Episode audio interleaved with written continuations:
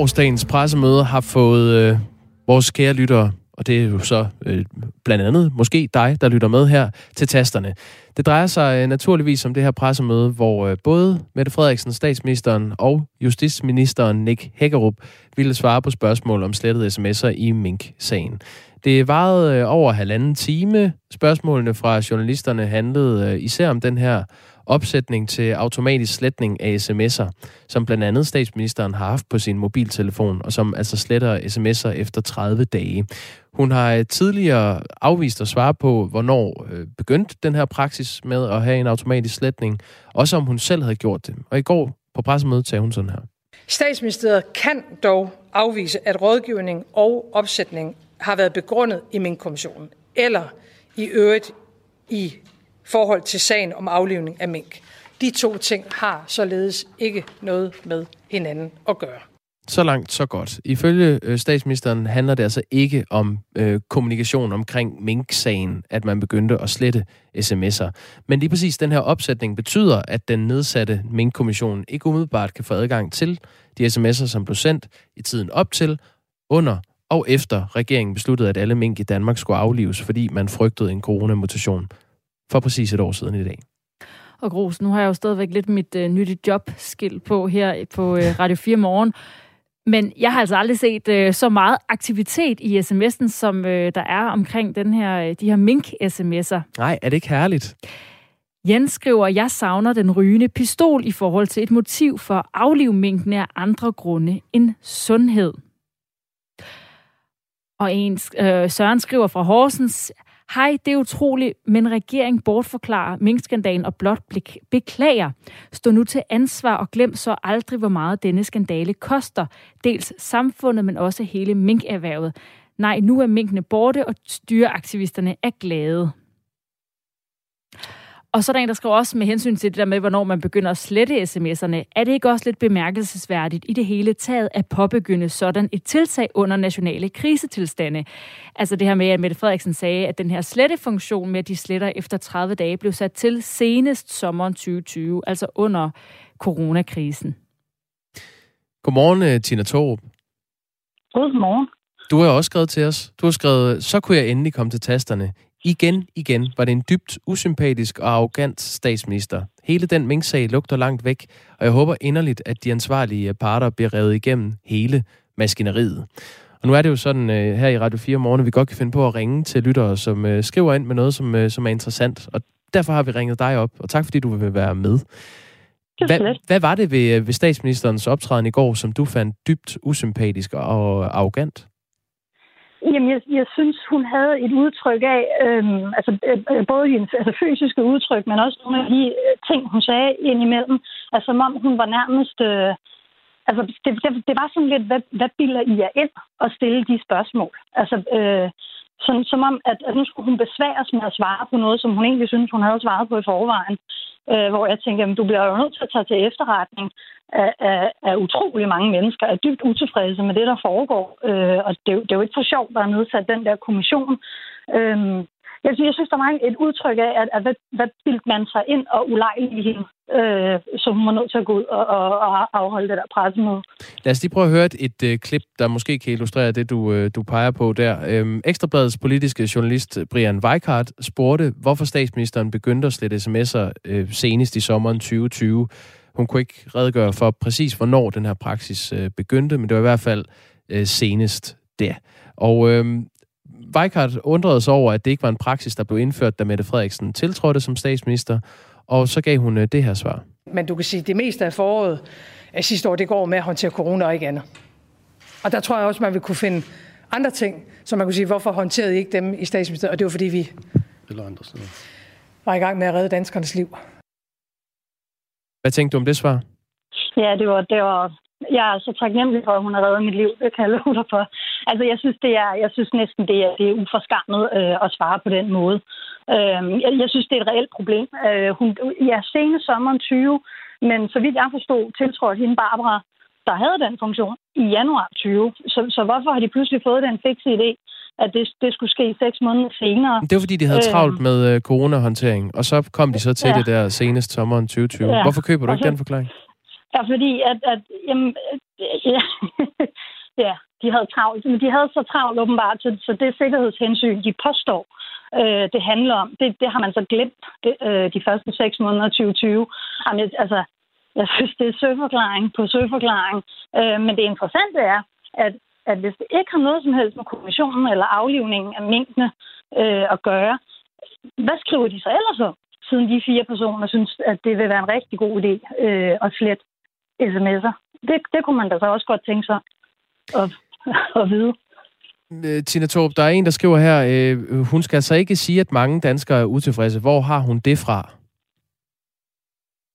Det er selvfølgelig rigtigt. Altså, det kan jeg, ikke. Jeg, jeg synes, det er... Jeg kunne også godt høre jeres sms'er, og der er også mange, der bakker med det op. Øhm, jeg kender ikke så mange øh, i min omgangskreds, men det er selvfølgelig heller ikke halvdelen af Danmark, øh, der, der, der synes, at det her det er, er fuldstændig øh, problemfrit. Øh, jeg har faktisk ikke talt med en eneste endnu, der synes, det, det, det her minkaløj har været problemfrit. Øh, men nej, nej, det er selvfølgelig rigtigt. Øh, hvor ved jeg det fra? Det ved jeg ikke. Det, men, men, men lad os prøve, øh, Tina Torb, lad os prøve at gå ind i, i motivforskning, øh, fordi det er jo også det, der ligger i det, når vi taler om, at øh, kritikken er jo, at hun ikke redegør helt klart for, øh, hvorfor og hvornår den her øh, praksis med at slette automatiske øh, sms'er begyndte. Øhm, nu talte vi med Peter Skårup fra Dansk Folkeparti og Morten Dalin fra Venstre øh, på den tidligere side af, af Radio 4 morgen øh, op til klokken 7. Og de synes begge to, det var mærkværdigt, og at det stinker. Men de var ikke rigtig villige til at gå ind i en motivanalyse. Nu kan jeg jo spørge dig, øh, har, har du gjort dig nogle tanker om, hvorfor du tænker, at det er utroværdigt, at Mette Frederiksen siger sådan? Øhm, Ja, altså grundlæggende tror jeg, det handler om, at der ligger noget i de sms'er, der ikke skal frem. Og jeg tror ikke kun, det handler om, som hun kaldte det, en frisk tone. Øh, hvad det er, der ligger der. Jeg tror til gengæld ikke, at det har været, at, at regeringen har endelig set sit snit til at lukke øh, et erhverv. Øh, det, det, det tror jeg sådan set ikke, det handler om. Men, men jeg tror, det handler om, at man nok godt vidste, at det var nok ikke, altså, man havde ikke styr på tingene til at gå i gang med den massive aflivning. Mm. Øh, også når de kommer ud bagefter og siger, at det var, en, det var en vejledning. Så kan vi jo ikke gøre for, at minkavlerne tolker det som et krav. Øh, den var jo ude også ja, for nogle måneder siden. Øh, så jeg, jeg tror ikke på det der med, at, at nu havde de endelig muligheden for at lukke det erhverv.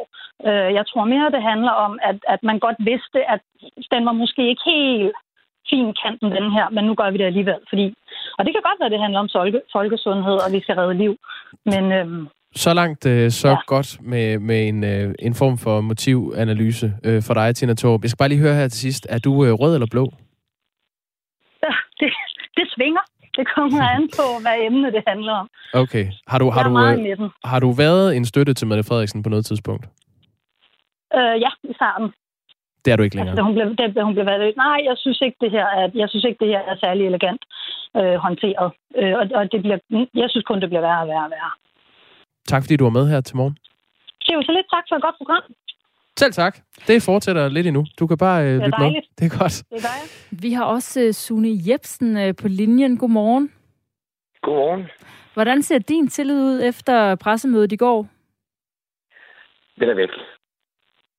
Jeg synes, hun, øh, den tale, hun indleder med de første fem minutter, eller tilsvarende, der var hele hendes indledning, der den synes jeg stinker langt væk af, af håndvask. Det, hun, der var så travlt med at vaske hænder. Øh, altså vi forklarer, at vi stod i en slem, slem situation, og det var godt, jeg gjorde de ting her, jeg gjorde, og, og forsvaret på umanerligt dårlig vis, synes jeg egentlig, øh, hendes beslutning. Og Sune Jebsen, du er jo en af de lytter, der har skrevet ind til os, og din sms lød sådan her. Hvis det er den øverste leder i Danmark, så er min tillid til regeringen klart mindre. Frygtelig sag, de har gang i. Lovbrud skal straffes, også selvom man er statsminister. Betyder det, at ja. du først er glad, når statsminister Mette Frederiksen er straffet? Øh, straffet er straffet. Altså, det er jo, men, men, men hvis man øh, hvis man begår et lovbrud, så, så skal det jo straffes, uanset hvem man er. Og hvis man... Hun starter også i den der indledning der med at sige, at øh, de allerede i starten af den her pandemi sagde, at der ville blive begået fejl, og der blev begået fejl, siger hun. Men hvis man deklarerer et lovbrud på forhånd, så er det jo ikke konsekvensløst. Det svarer lidt til at sige, om jeg kører for stærkt på vej hjem, det beklager jeg sørme men, men det, det kan man jo ikke. Sådan foregår verden ikke. Men, men øh, forskellen her er jo, øh, altså, at, at de ikke vidste, at der var lovbrud. Altså, hvis du kører for stærkt, så ved du nok godt, at øh, du ikke må køre for stærkt. Hvor her, der var de jo ikke øh, klar over, ifølge ja. Mette Frederiksen, at der var et lovbrud. Øh, de manglede nemlig en hjemmel, og det vidste de altså ikke, at de manglede. Og den hjemmel fik de jo så, altså øh, kort tid efter for Folketinget. De, ja, de fik den på bagkant af, af, hvad kan man sige, den her vejledning, som I for lige var inde på, det ham, I havde igennem tidligere her til morgen, øh, med minkfarmeren der. Øh, han blev ringet op flere gange om dagen af, af hvad kan man sige, politiet og de offentlige, og sagt, at hvis ikke han aflevede hans mink, jamen, så kom de og gjorde det for ham. Så er det jo ikke en vejledning mere, så er det jo en ordre. Øh, og det er bare det, jeg mener. De vidste jo godt, at der ikke var hjemme til det her. Det, det, det, har der, det er der så meget fremme nu. Altså, øh, at både Højnække og, og de andre har, har godt vidst, at der ikke var hjemmel til at udføre det her. Så, så jeg mener bare, at hun, hun kan jo ikke sidde over det overhøre jo. Det har hun Sune, Sune Jebsen, når, når du øh, laver den der sammenligning med at køre over for rødt eller køre for stærkt, øh, og det ved ja. man godt, man ikke må, så gør man alligevel. Altså den sammenligning ophører den ikke ved, øh, hvorfor man gjorde det. Altså regeringen tog den beslutning, fordi der var en indstilling fra sundhedsmyndighederne om, at der øh, var en, en mulighed for, øh, risiko for, at der vil udvikle sig den her kloster 5 øh, mutation, og at den vil blive spredt fra Danmark til resten af verden. Øhm, er der ikke noget i forhold til, hvornår man gør noget for egen vinding, og hvornår man gør noget, fordi man tænker, det er bedst for Danmark?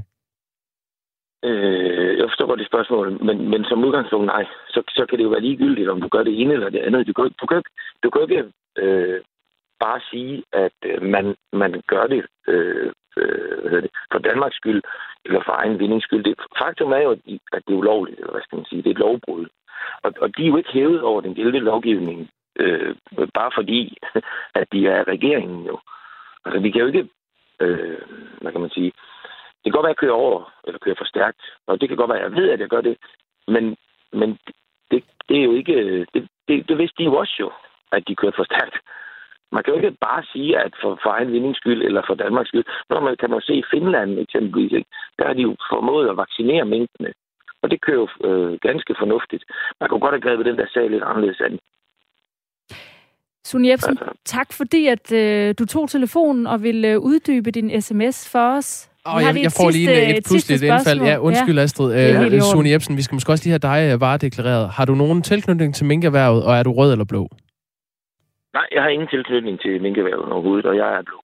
Okay, det er godt. Tusind tak, øh, Sune Jebsen, og god morgen. Ja, velkommen. Ja, lige måde, tak. Klokken er 18 minutter over syv. Som du kan høre, så kan du skrive ind til Radio 4 morgen på 1424 et mellemrum, øh, start beskeden med R4, og så et mellemrum, og så din besked. Øh, og du må også godt skrive, hvis du gerne vil ringes op. Øh, det, det er dejligt at tale med, øh, med lyttere, der har holdninger til den her sag.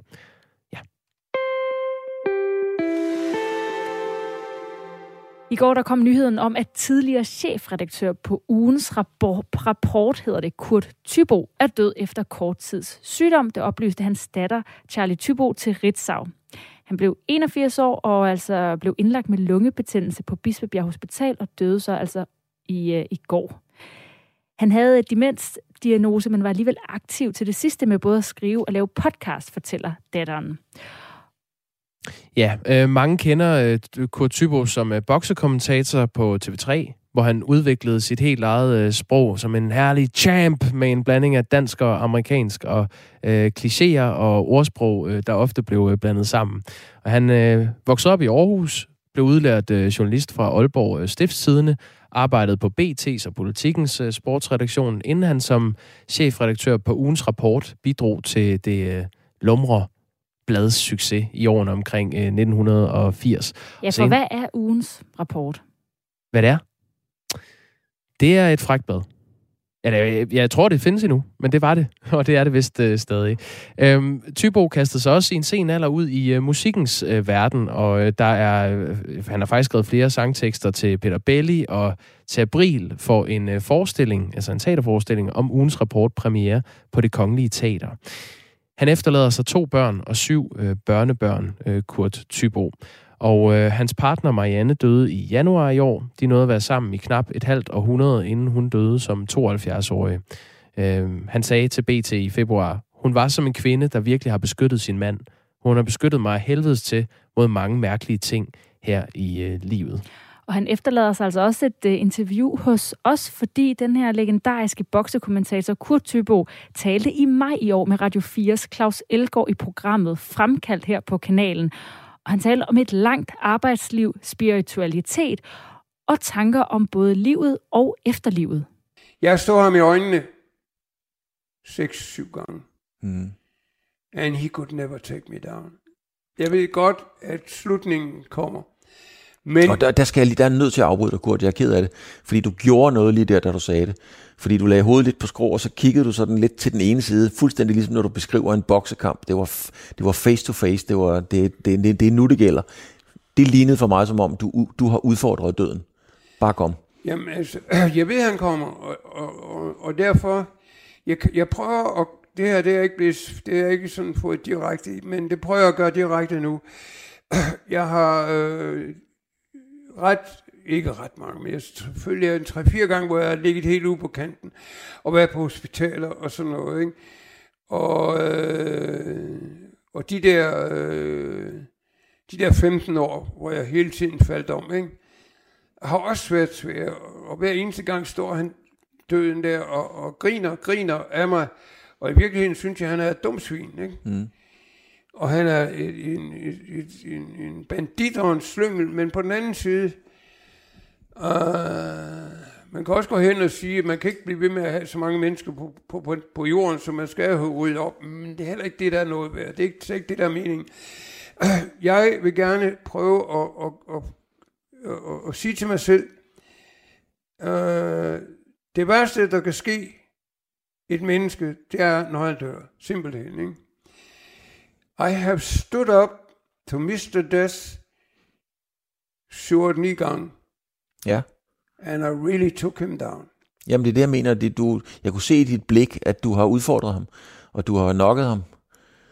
Jamen, ja, men, men så vi har så i nogle debatter og i sådan nogle kampe, vi har gjort, ude i nogle, ude i, i nogle universer har vi øh, lavet nogle, nogle kampe, hvor vi svævede, ligesom øh, de der berømte film, der var der i mange, mange år, ikke?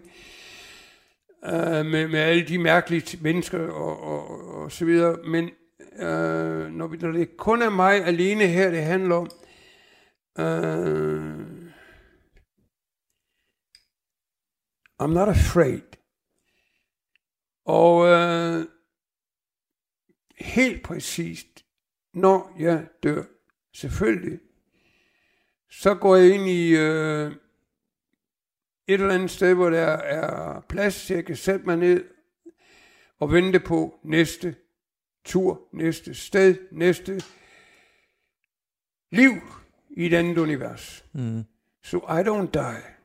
I just walk out. Mm. And then I'm still looking for a good job out there. Og det er det, han er nu, øh, Kurt Thybo, som altså er død i en alder af 81 år. Her i samtale med Claus Elgård i øh, programmet Fremkaldt, og det kan findes der, hvor du øh, finder dine podcasts. Vi det fred, Kurt Thybo. Klokken den er 24 minutter over syv, og det her det er Radio 4 morgen med Jakob Grosen og Astrid Date. Og vi skal til øh, noget så øh, kulørt som skræmme droner. Vi kender nok bedst droner som en lille ubemandet flyverobot, der kan overvåge, tage billeder eller lave kortlægninger fra luften. Men snart, der skal dronerne måske også bruges til at skræmme bramgæs. For bestanden af de her fredede bramgæs vokser hastigt herhjemme, og det går hårdt ud over landets planteavlere. En flok bramgæs kan nemlig ret hurtigt spise næsten alle afgrøder på en mark, og som loven er i dag, bliver planteavlerne ikke kompenseret økonomisk for afgrødetab. Og eftersom bramgæs ikke rigtig lader sig skræmme af ting som gaskanoner eller ulveatrapper, så har en international gruppe netop iværksat et seks ugers langt projekt, som kaldes Landbrugets største fugleskrammerforsøg nogensinde i Bogense på Fyn. Det sker i samarbejde med Dan, øh, Syddansk Universitet, hvor du, Røg Lemminger, følger med som forretningsudvikler. Godmorgen til dig. Godmorgen, godmorgen. Hej alle sammen. Hvorfor kan... Ja, det er mig og Grusen, der sidder, og alle ja, lytterne alle selvfølgelig. Hele Danmark, du. Hvorfor kan droner hjælpe planteavler med at skræmme bramgæs? Jamen faktisk så er teknologi og lovgivning så småt ved at være på plads nu, at man netop kan begynde at introducere de her løsninger til problematikker, som er så store inden for for eksempel også landbruget, som, som netop kæmper med de her store tab inden, som forsoning her. Øhm, så vi ser jo de her problematikker inden for, for gæs og vildsvin og, og jord også. Øhm, og de har jo så udviklet den her specialdesignede drone til det formål at skræmme de her dyr væk fra landmændenes marker og, og sikre, at de her afgrøder får ikke øh, blive spist op. Fordi det er jo egentlig sådan, at, at dyr tilpasser sig jo lidt ligesom os mennesker, så når der er rigt på mad, jamen, så bliver de jo tiltrukket. Og ofte så er der jo mange gange åben buffet på de her marker, jamen, så kommer det også i stort tal, og det er jo faktisk det her, den her gruppe her, øh, Nav Robotics, så prøver at løse med deres øh, avancerede drone. Øh, og faktisk det, der er så smart, og det, for ligesom at komme ind til, til pointen her, det er jo, at man historisk set jo, også som der blev nævnt her, at man jo altid har brugt fugleskramser, øh, men efter en måneds tid, så begynder de her fugle jo så småt at tilvende sig. Men øh, ved at introducere en drone, jamen, øh, og sætte for eksempel en højtaler på, jamen, så kan de jo begynde at flyve den drone her i et mønster, som fuglene aldrig kommer til at, at vende sig til, og, og så opnår man jo faktisk en fuld effekt hver gang for, for landmændene. Hvordan, hvis vi kommer lidt nærmere ind på, hvordan det kommer til at foregå med, med de her droner, der flyver rundt og skal skræmme bramgæs? Det, det egentlig gør, det er jo, at, at Launch Robotics her, de vil jo så øh, sætte deres drone op, og så vil de jo så øh, hen over de her seks uger, jo så øh, sætte det op og, og lade den flyve afsted, og indsamle så meget data, de kan, øh, for at lære øh, dronen bedre, og lære øh, fuglene også bedre at kende. Så øh, man sætter den op, man tænder for dronen, og så vil den jo så begynde at flyve i, i et mønster og, og indsamle en masse data. Og finde ud af, hvad, hvor godt effekten er mod, mod fuglene her. Og hvad er forskellen på droner og så de skræmmemidler, man bruger nu som fugleskramsler eller gaspatroner? Jamen det er jo egentlig øh, gaspatroner og fugleskramsler, de er jo stationære, så de flytter sig jo ikke, og, og fugle er jo, øh, er jo klog nok til, at, at når øh, de har set det mønster flere gange, jamen så begynder de jo stille og roligt at, at, at komme tættere på, og til sidst har det ikke den, den store effekt.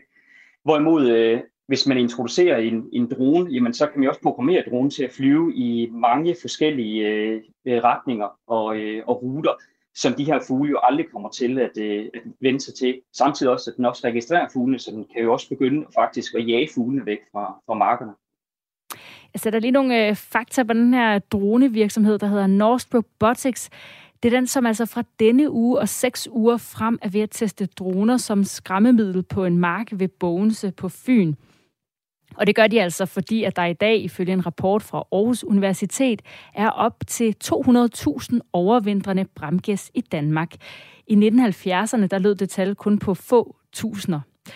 Røg Lemminger, hvordan sikrer I, at jeres droner så kun skræmmer de uønskede fugle som bramgæs væk, og ikke også andre dyr? Jamen, de er jo, en, de er jo en, altså, det er jo noget, man, man løbende arbejder ind på, fordi for os er det jo også vigtigt at få, få skabt en balance her. Øh, men med tiden, så udvikler man jo også at, og lære dronen til hurtigt effektivt kunne registrere de velkomne dyr, og ikke de her dyr, der ødelægger det for, for landmændene. Og så er der også et lag beskyttelse, der gør, at, at for eksempel med bramgæssene, jamen, vi stresser jo kun de her gæs her ved også at imitere den lyd med, med stressede gæs. Og det har jo så en god effekt på dem, og så ikke også på andre dyr. Vi har talt med øh, Dansk Ornitologisk Forening, der siger, at de bramgæstene, de kan altså blive stresset, når de skræmmes væk. Altså, du siger dermed, at det, det som øh, dronerne kan, er jo at flyve nogle lidt uh, uforudsigelige mønstre, og på den måde stresse, eller i hvert fald skræmme de her bramgæs. Hvordan sørger I for, at uh, I ikke kommer til at stresse bramgæstene over til naboens marker i stedet for? Jamen, det er jo en, øh, det er en rigtig god, øh, god pointe, det der, og det kan man jo aldrig, altså, men, men ofte så ligger, har landmænd jo også rigtig mange marker, der ligger i brak, og så kan man jo øh, sende fuglene over til de steder der, hvor de så kan, kan, få, øh, kan få mad. Så, øh, så ja, det, øh, jeg, jeg tror ikke, man flytter problematikken, fordi så vil de jo egentlig bare øh, måske flyve et helt andet sted hen. Det blev øh, alt ved noget, øh, Røg Lemminger, for vi skal have et nyhedsoverblik her på kanalen lige om lidt. Du er altså forretningsudvikler på Syddansk Universitet, der kigger på de her skræmmedroner, der skal få bramgæstene til at spise mad andre steder end fra markerne. Tak fordi du var med. Selv tak, og god dag. Hej. Klokken er blevet halv otte.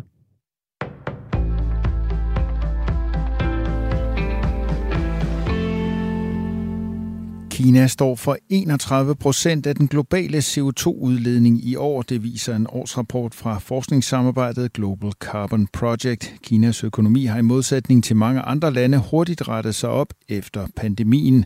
Det ser ud til, at Kina igen befinder sig i en fase med kraftig vækst, siger Glenn Peters, der er medforfatter på rapporten og forskningsleder ved Center for International Climate Research i Oslo. Rapporten er udgivet samtidig med, at klimatopmødet COP26 finder sted i den skotske by Glasgow, hvor mange af verdens stats- og regeringschefer deltager.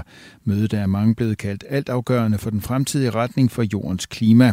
Dog er Kinas præsident Xi Jinping ikke at finde ved topmødet, hvilket har fremkaldt kritik hos USA's præsident Joe Biden. Kina er det land, der, Kina, der er det land, der udleder mest CO2 i hele verden, offentliggjorde for nyligt en ny, længe ventet plan for udledning af drivhusgasser. Den stiler imod, at landets udledninger topper i 2030 og går i nul i 2060 mens der for første gang i over 100 år ikke sidder præster i Folketinget, ser det helt anderledes ud i byråd og kommunalbestyrelser ude i landet. I år viser en opgørelse af kandidater foretaget af IT-virksomheden KMD, at 24 præster stiller op til kommunalvalget. Det er en fordobling af antallet af præster på den tilsvarende opgørelse fra det seneste kommunalvalg i 2017, skriver Kristelig Dagblad. Anne-Sophie Felt har mere. Udviklingen kan være svær at forklare, men det harmonerer med en historisk tendens til, at lutherske præster engagerer sig lokalt. Det siger Bo Christian Holm, der er professor MSO i teologi på Aarhus Universitet, og som for nyligt har været med til at udgive bogen Pligt og Omsorg, velfærdsstatens lutherske rødder. Præster har historisk set altid været en central figur ude i zonene. Dengang der blev givet fattighjælp, var det for eksempel præsterne, der administrerede den. Der er altså en lang tradition for at være engageret lokalt, og den fortsætter op til i dag, hvor præster oftest har et stort lokalt historisk kendskab og en stor kontaktflade med den lokale befolkning, der gør dem egnet til at tage politisk ansvar, siger han til Kristi Dagblad. Udviklingen i forhold til valget i 2017 kan have mange forklaringer, vurderer Bo Christian Holm. En årsag kan være fraflytningen fra små områder til byerne. Mange steder der er præsten den sidste officielle person, der er tilbage i lokalmiljøet, og det kan give en tilskyndelse til at tage ansvar på sig og søge et politisk embede, siger han. De konservative er bedst repræsenteret blandt de 24 præster på listen. Otte af dem stiller op for de konservative, mens fem stiller op for Socialdemokratiet. Det israelske parlament har godkendt finansloven for 2021. Det sker med stemmerne 61 mod 59 blandt de 120 parlamentsmedlemmer. Dermed undgår landet endnu et valg, skriver nyhedsbruget DPA. Det er første gang siden marts 2018, at Israel har vedtaget en ny finanslov, skriver Jerusalem Post. DPA bemærker, at godkendelsen af budgettet var afgørende for, at koalitionsregeringen under premierminister Naftali Bennett kan forblive ved magten. Under coronapandemien har Norwegian og den samlede flybranche været hårdt ramt af færre passagerer, men de seneste måneder har pilen peget i den rigtige retning. Den udvikling er fortsat, viser de seneste trafiktal fra det norske selskab. I oktober har Norwegian fløjet med 1,2 millioner passagerer. Det er en stigning på næsten 900.000 passagerer i forhold til samme måned sidste år. Først på dagen en del steder diset eller tåget, men tågen letter efterhånden, ellers mest skyde, og i den sydlige del af landet til tider regn. På Bornholm efterhånden mere udbredt regn fra sydøst. Temperaturer op mellem 4 og 10 grader. Det var nyhederne på Radio 4 med Thomas Sand. Nu er der mere Radio 4 morgen med Astrid Date og Jakob Grosen.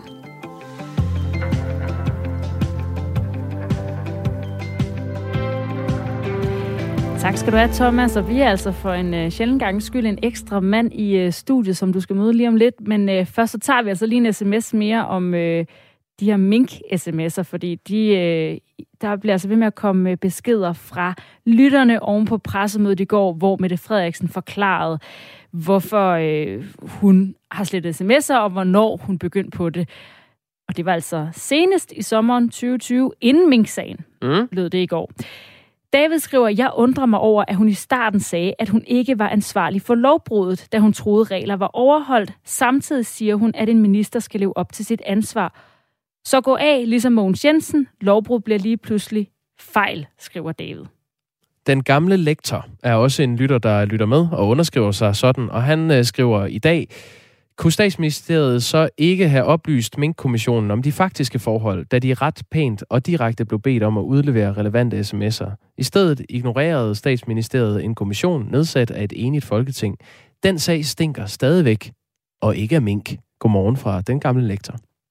Og vi øh, følger altså øh, mere op på de her, øh, den her sms-historie om Mette Frederiksen senere den her morgen. Vi har allerede hørt fra oppositionen, fra Venstre og fra Dansk Folkeparti, og klokken 10 minutter i 8, der skal vi altså høre fra øh, et af støttepartierne, SF, hvad hun siger til øh, den her forklaring, Mette Frederiksen kom med i går.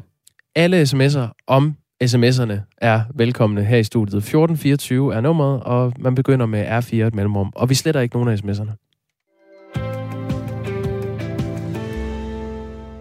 Om 12 dage skal du stemme om øh, din kommunes og din regions fremtid, når der er kommunal- og regionsrådsvalg her i øh, Danmark. Og i den anledning taler vi her i øh, Radio 4 morgen med partier og kandidater, som har fanget vores opmærksomhed.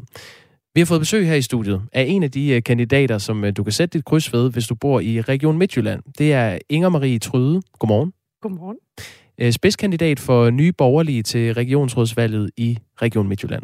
Korrekt. En af nye borgerliges øh, mærkesager er at øh, begrænse indvandringen til øh, Danmark, og jeg ved, at det også er en sag, der ligger dig på sinde. Men det er ikke et område, man har så meget med at gøre i landets regionsråd. Hvad vil du arbejde for, hvis du bliver valgt ind til regionsrådet i Region Midtjylland? Det er mindre byråkrati øhm, og bedre arbejdsforhold for folk, der arbejder med de kerneområder, vi har. Der er en øh, sygeplejerske konflikt, Øh, I går var jeg til møde i Silkeborg med lægerne.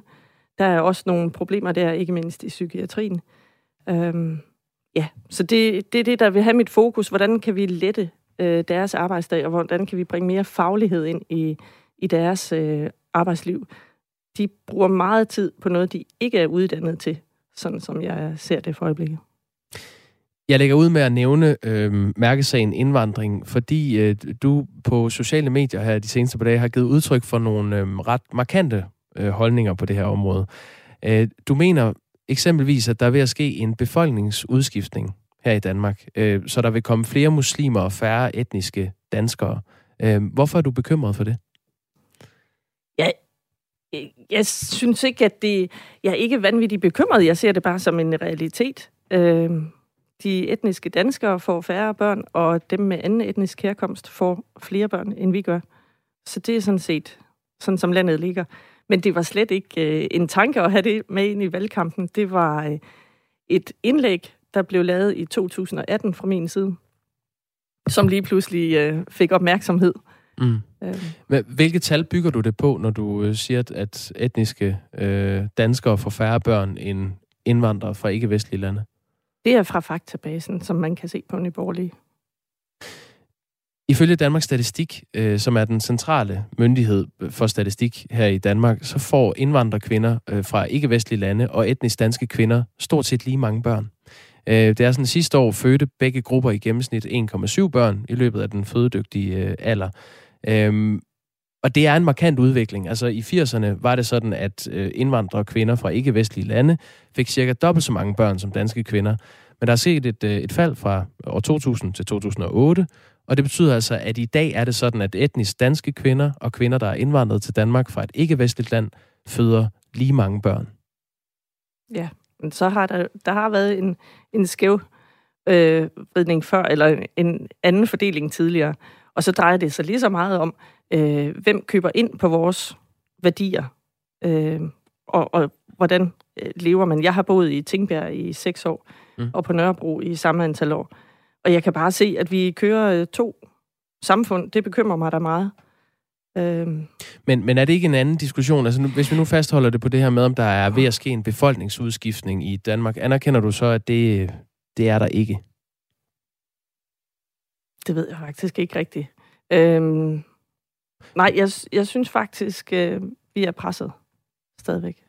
Men, men når Danmarks Statistik øh, redegør for, ja. at, at det, det ligger sådan, hvis vi skal helt ned i detaljen, så får kvinder med dansk oprindelse 1,72 børn, mens kvinder fra ikke-vestlige lande føder 1,75 børn. Ja, det må jeg jo tage til efterretning.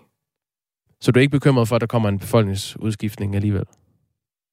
Altså, jeg synes, den øh, præmissen for, for øh, diskussionen er lidt øh, forkert, fordi det var faktisk ikke øh, det, jeg skrev i det indlæg. Øh, så det er at tviste det, øh, må jeg sige. Ja, altså, det, det jeg har set dig skrive var, ja. øh, så længe ikke-muslimske europæere ikke får flere børn, end vi gør, så bliver der tale om en befolkningsudskiftning. Det er ja, bare fakta. Det, ja, helt men det er så Europa. Der skriver jeg jo netop Europa. Jeg taler ikke om Danmark. Okay, så du er ikke bange for, at der kommer en befolkningsudskiftning i Danmark? Jeg er, er bange for, at vi øh, slækker på vores værdier. Det er sådan set det primære. Men, men du er ikke bange for, at der kommer flere muslimer end etniske danskere i Danmark?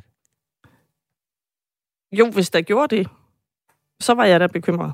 Og, men, de, og de to deres uh, traditioner og, og uh, sharia med. Men, uh, men det gør der jo ikke. Hvis, Nej, og, og hvis der ikke gør det, så er der jo ikke noget at være bekymret for. Det, det er jo logik. Okay.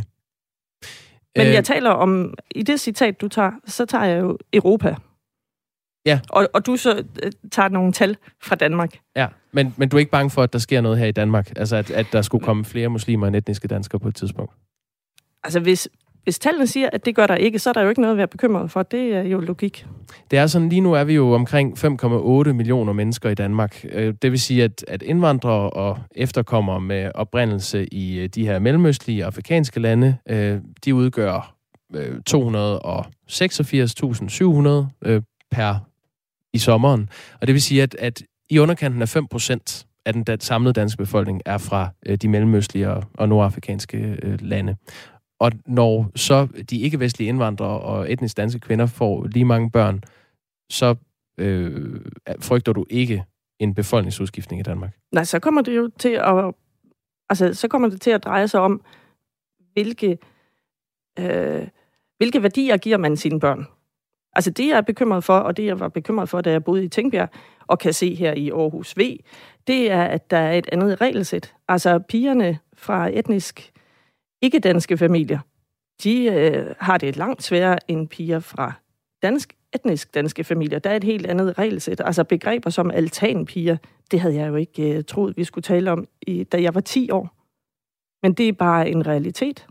I Danmark, det er et begreb, som er kommet ind i, øh, i dansk øh, tale. Ja, og det, hvad, hvad, lad os gå ind i den. Hvad tænker du, det vil gøre ved Danmark, hvis der kom flere øh, muslimer i Danmark? det, altså, det er jo klart, at hvis de her muslimer ikke tager afstand fra det, de er flygtet eller flyttet fra, men tager det med, så giver det jo nogle problemer, som vi ser. Altså, vi har jo allerede nogle problemer, som jeg ikke troede, vi ville have, dengang jeg var 15. Hvad, hvad er det for nogle, når du nævner en altanpige, for eksempel, hvad er det der? Ja. En altanpige, det er en pige, som øh, har brudt sig mod øh, familiens øh, regler, og som så får et valg om at blive skubbet eller hoppe fra en altan. Er det noget, du er stødt på? Ja. Ofte? Og det er, ikke ofte, men det er jo sådan set underordnet. Det, hvor, at vi har hvor, fået det Hvorhenne har du set det? Jeg har set det i uh, rapporter, og jeg har set det i uh, svenske interviews med politimænd. Hvad og det er, er også uh, sket her. Har, har du set det i Danmark? Jeg har heldigvis ikke set det, men jeg har set beretninger om det. Øh, vi taler altså øh, for nye lyttere med øh, Inger Marie Tryde, som er spidskandidat for nye borgerlige til regionsrådsvalget i, øh, i Region Midt. Øh, jeg vil også gerne lige nu at vende med dig, at, øh, at du er bekymret for, at der skal udbryde en borgerkrig mellem muslimer og øh, øh etniske europæere i Europa. Øh, hvorfor har du den bekymring? Det har jo ikke meget med regionsvalg at gøre. Nej, må jeg men sige. det er noget med, med politiske holdninger at gøre. øh, det er jeg, fordi på et eller andet tidspunkt, så tror jeg, man er så provokeret. Det, man så i Køllen med, at øh, kvinder ikke kunne fejre nytår øh, stille og roligt, øh, det, at en skolelærer ikke kan undervise i ytringsfrihed, uden at få skåret halsen over. Øh, det, at vi ser de her terrorangreb, øh, hvide lastbiler og kassevogne, at vi har plantet hele vores øh, byer til med øh, koranklodser, det det gør mig da nervøs. Og på et eller andet tidspunkt, så tænker jeg, at så øh, kunne der opstå en modreaktion. Koranklodser altså, er de her cementblokke, der skal øh, stoppe en mulig lastbil eller noget ja. andet i et terrorangreb. Ja. Øhm, vil du kunne forstå, hvis etniske danskere skulle gribe til våben mod herboende muslimer i Danmark? Altså, jeg vil jo på ingen måde ønske, at det sker. Og det er jo også derfor, jeg er i politik. Altså, vi skal tage den, den vej rundt.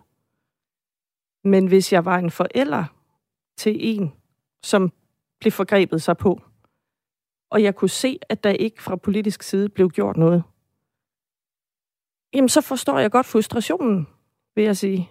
Og, Men, altså, og hvis, hvis man ser det her ske mange gange, så er vi jo ikke overmennesker. Altså, og det er jo det, der gør mig nervøs, at øh, hvis man presser os nok, så kommer der jo et modpres. Men her taler du om, altså hvis, hvis du var forælder til et øh, barn, som blev udsat for et eller andet af en, der har en anden etnisk herkomst end dansk, så vil du kunne forstå, at man øh, greb til våben mod folk med Det en har ikke noget med etnicitet baggrund. at gøre. Det har slet, slet ikke, og det er der, man øh, går fejl.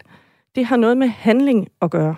Og Men... det har noget med, at der hver gang, eller ikke, jo, faktisk hver gang, der er et terroranslag, så bliver der råbt øh, med alles vilje, eller påkaldt sig alle.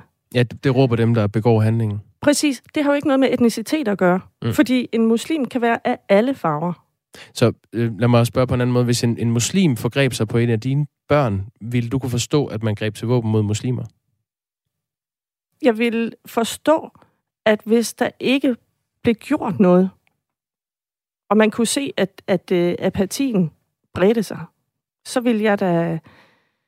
Jamen, jeg ved ikke, jeg vil være dybt, dybt ulykkelig. Jeg ved ikke, om jeg vil gøre noget, men jeg øh, kender der nogen, som ikke har så lang snor, som jeg har. Og det er jo det, jeg er bekymret for. Øhm, Inger-Marie Tryde, du er spidskandidat for Nye Borgerlige til regionsrådsvalget i Region Midt. Og det er jo rigtigt, når vi sidder og taler om det her, så er det jo ikke det, man beslutter ude i regionerne. Det er øh, ansvaret for sygehusvæsenet, øh, psykiatrien, driften af øh, en række institutioner for udsatte grupper og grupper med særlige behov på øh, social- og specialundervisningsområdet øh, og alt muligt andet. Øh, de her holdninger, du har til indvandring og til muslimer, Øh, kommer de til udtryk i den politik, du mener, regionen skal føre, hvis man stemmer på dig? Nej, fordi det, jeg tager hensyn til, det er, hvordan folk opfører sig. Og, øh, så, så det vil ikke øh, komme til udtryk. Det handler om mennesker, og alle øh, i vores øh, psykiatri og i vores sundhed skal have god behandling. Det er øh, ligegyldigt, hvor de kommer fra, og hvad for en øh, overbevisning de har. Den er egentlig ikke så meget længere. Altså, øh, der er ikke, og det er jo det, der er det interessante, at øh, religion har fået så meget plads i Danmark. Altså, det havde det jo heller ikke, da jeg var barn og ung. Det er jo helt vanvittigt. Men det er jo fordi, at der er nogen, der, der presser på og siger, øh, vi skal have specielle regler for vores piger. Det er jo ikke den øh, øh, græsk-ortodoxe kirke, vi har her, eller russisk-katolsk kirke. Det er jo en bestemt gruppe. Det er heller ikke buddhisterne. Øh, der er der også står... der er flere muslimer end buddhister i Danmark. Ja, ja. Men altså, de mm. andre grupper har vi jo kunnet øh, fint øh, leve stille med, og alle har kunne ha- have deres øh, religion. Der er altså 12 dage til øh, regionsrådsvalgene rundt om og i landet, og også til kommunalvalget. Og øh, Inger Maria Tryde, altså spidskandidat for Nye Borgerlige ja. til regionsrådsvalget i Region Midtjylland. Tak fordi du kom. Selv tak.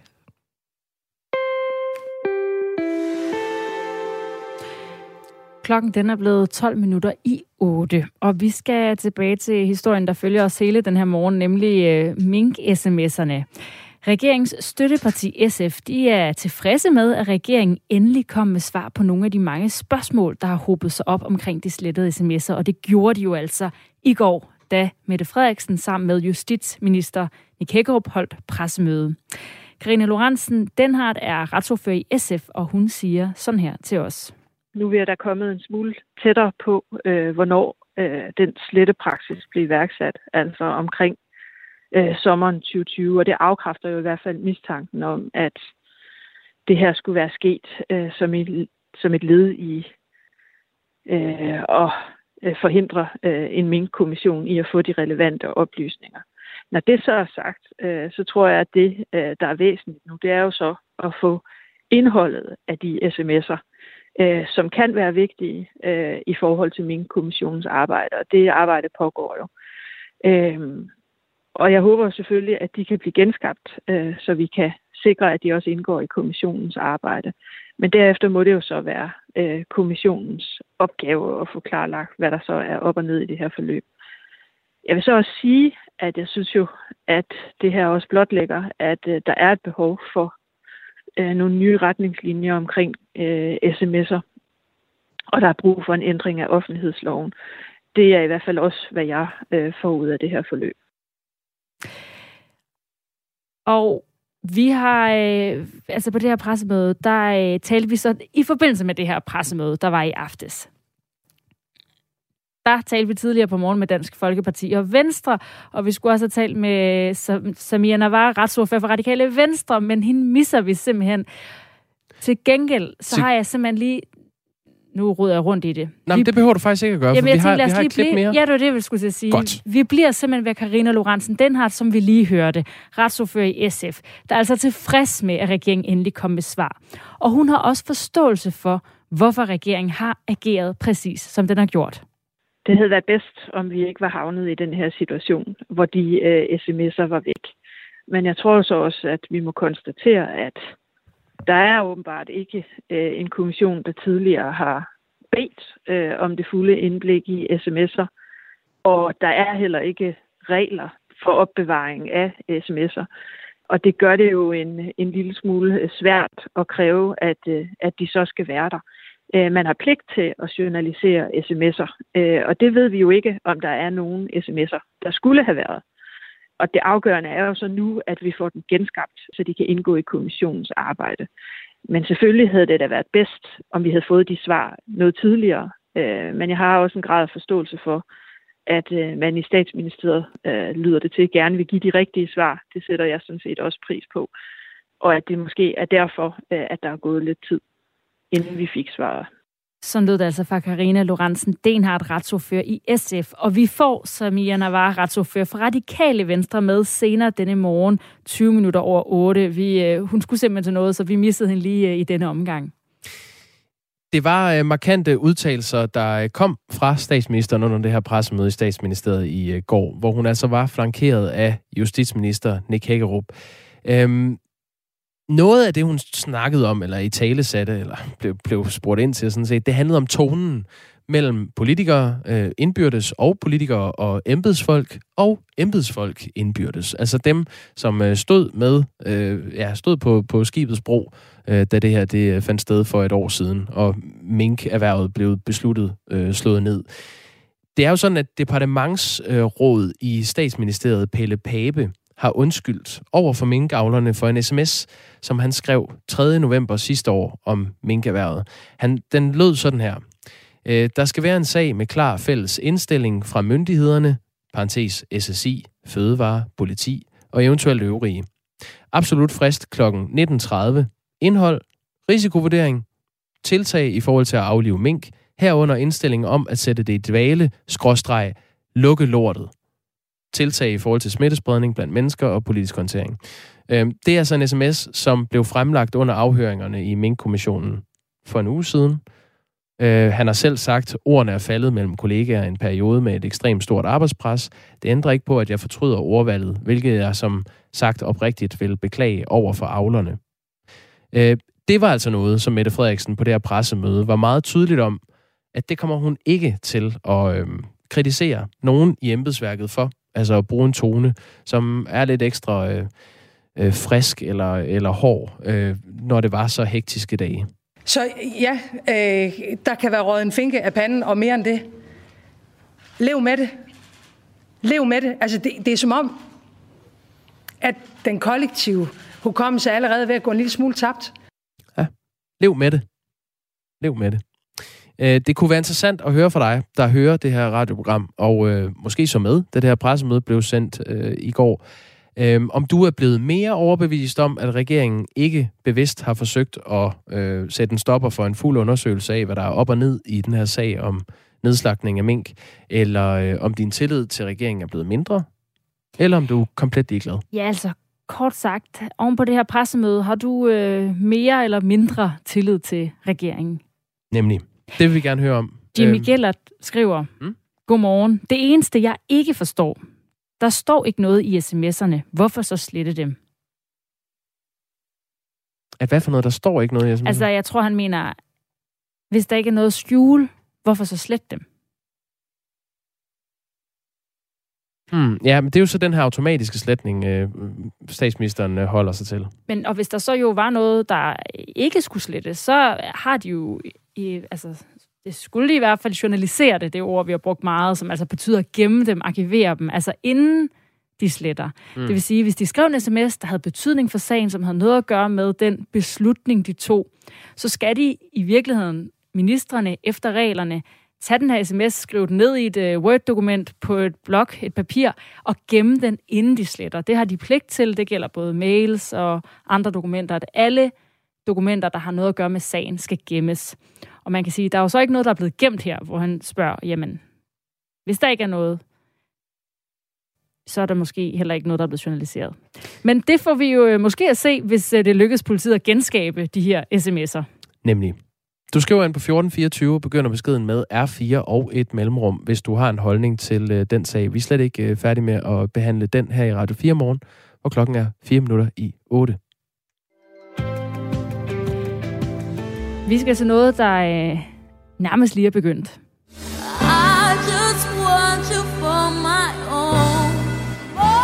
Åh, oh, er det begyndt? Ja, det er begyndt. Make my wish come true.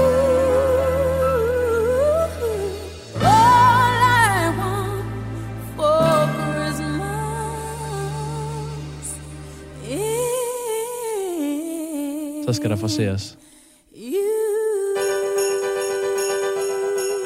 Det er, hvis man ikke hørte det, All I Want for Christmas is You. Ja, tak. Mariah Carey sit fra øh, 1994. Jeg ved ikke, om du er enig i, Grosen. Er det officielt startet All I Want for Christmas-sæsonen for dig? Mm, nej, men hvorfor er det? Det forstår jeg ikke. Jeg kigger, det er den 4. november. Ja, og jeg vil sige, der er simpelthen der er nogen, der slet ikke skal bede om det. Altså den her sang. Der er en bar i Dallas, der har øh, lavet et skilt på deres jukebox, hvor der står, hvis den her sang bliver sat på, så kommer de til at springe den over. Og i øvrigt indtil den 1. december. Og når det så er december, så må den spilles én gang om aftenen. Okay, that's it. Hvordan har de det med Wham? Last Christmas? Det, det, ved, det er konkret den her sang, og no. jeg tror også, at, øh, at det her er en af de sådan, er, det er selvfølgelig en mandlig sang, men af de kvindelige sangerinder, så er det en af de mest spillede julesange. Men Mar- Mariah Carey, hun har altså svaret på det her, både med et billede på Twitter, hvor hun står i rustning, klar til kamp, mm. Og så efterfølgende, efterfølgende, så har hun lagt en video på sin Instagram, hvor hun med sådan en kæmpe juleslikstok smadrer tre græskar, som er skåret ud, sådan så der står, it's not time. Altså, det er ikke tid. Det er for tidligt, som du siger. Det er den 3. november. Ja. Så smadrer hun de her græskar.